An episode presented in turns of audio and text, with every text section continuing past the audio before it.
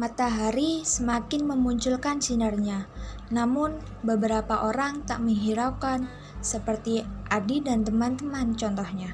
Mereka berkumpul di gazebo yang biasa mereka gunakan, padahal sudah ada peringatan untuk social distancing.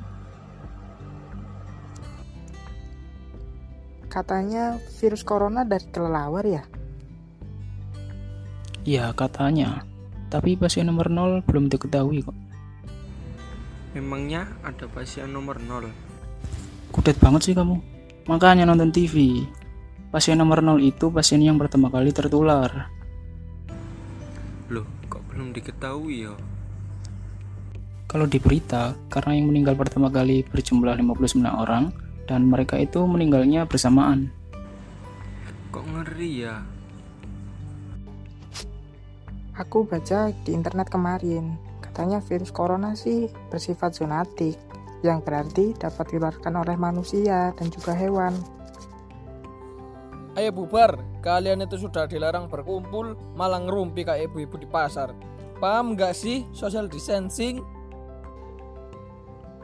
Paham Pak RT, jangan kumpul-kumpul dan jaga jarak dulu ya teman-teman.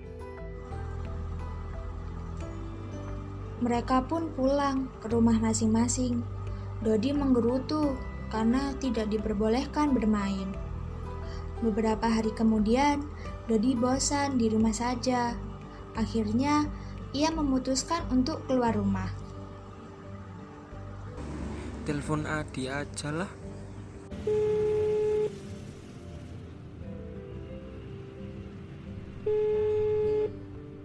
Halo Di,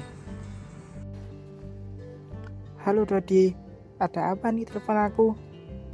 Di ke rumahku yuk. Bosen aku sendirian. Wah, enggak deh Dot, nanti dimarahin ibuku aku. Ya, kamu gitu aja kok takut sih. Saya juga nggak bakal mau kalau diajak ke sini. Siapa ya? Hmm, aku ajak Amel aja lah. Kali aja dia mau jalan sama aku. Halo Dot, ada apa nih telepon? Mel, kamu nggak bosen di rumah terus? Ya bosen, tapi mau gimana lagi? Nongkrong yuk di tempat biasa. Ajak teman-teman sekalian gimana? Wah boleh tuh boleh, aku ajak temanku sekalian ya. Akhirnya aku keluar rumah juga.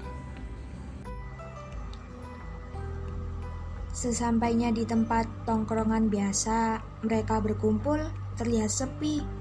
Amel datang dengan teman-temannya. Sorry ya, aku telat nih nunggu bucin satu ini.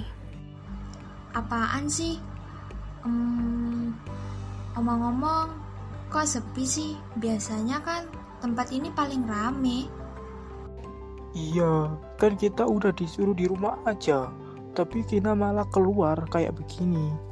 Kata berita sih, kalau ada kerumunan, orang nanti malah kena satpol pp loh. Udah nggak apa-apa santai aja. Nggak ada satpol pp kok. Kalian nggak bosen apa di rumah terus? Ya bosen banget lah, udah berapa hari kita di rumah. Iya bener banget, udah bosen. Tapi kalau kita kena Satpol PP gimana? Ucap Nurul dengan nada sedikit gelisah. Sudah santai aja. Yuk pesan apa nih? Mereka pun menikmati hidangan yang mereka pesan. Tetapi tak lama kemudian ada petugas Satpol PP yang berpatroli di dekat situ. Hei, ini gimana? Ada Satpol PP tuh. Heh, kalian ngapain di sini? Ini bukan waktunya nongkrong-nongkrong ya. Heh, jangan diam saja. Kalau kalian mau mati, jangan gini juga. Kalian tahu kan ini berbahaya. Kalau kalian tertular, ya akan menambah beban para tenaga medis. Hmm, maaf, Pok. Seharusnya kalian tinggal diam di rumah saja. Dengan begitu, kalian sama aja mensupport garda terdepan, yaitu para tenaga medis. Jangan malah keluyuran begini. Kalian perang di rumah. Sekarang, Ayo foto wajah dan KTP kalian, lalu langsung pulang. Iya, Pak. Sudahlah, sebaiknya kita di rumah saja. Iya, kita perang dari rumah. Mensupport garda terdepan, jangan tambah memperkeruh suasana dengan malah nongkrong. Kapok deh aku. Jangan nambah beban tenaga medis lagi ya, teman-teman. Iya, tapi malah kita langgar dah. Sambil menggeleng-gelengkan kepala.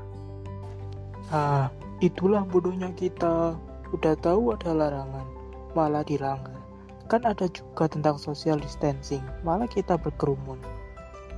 Ya sudah, kami pulang dulu ya, Dot. Oke lah, hati-hati di jalan. Akhirnya, mereka pun benar-benar sadar bahwa COVID-19 bukanlah hal yang biasa.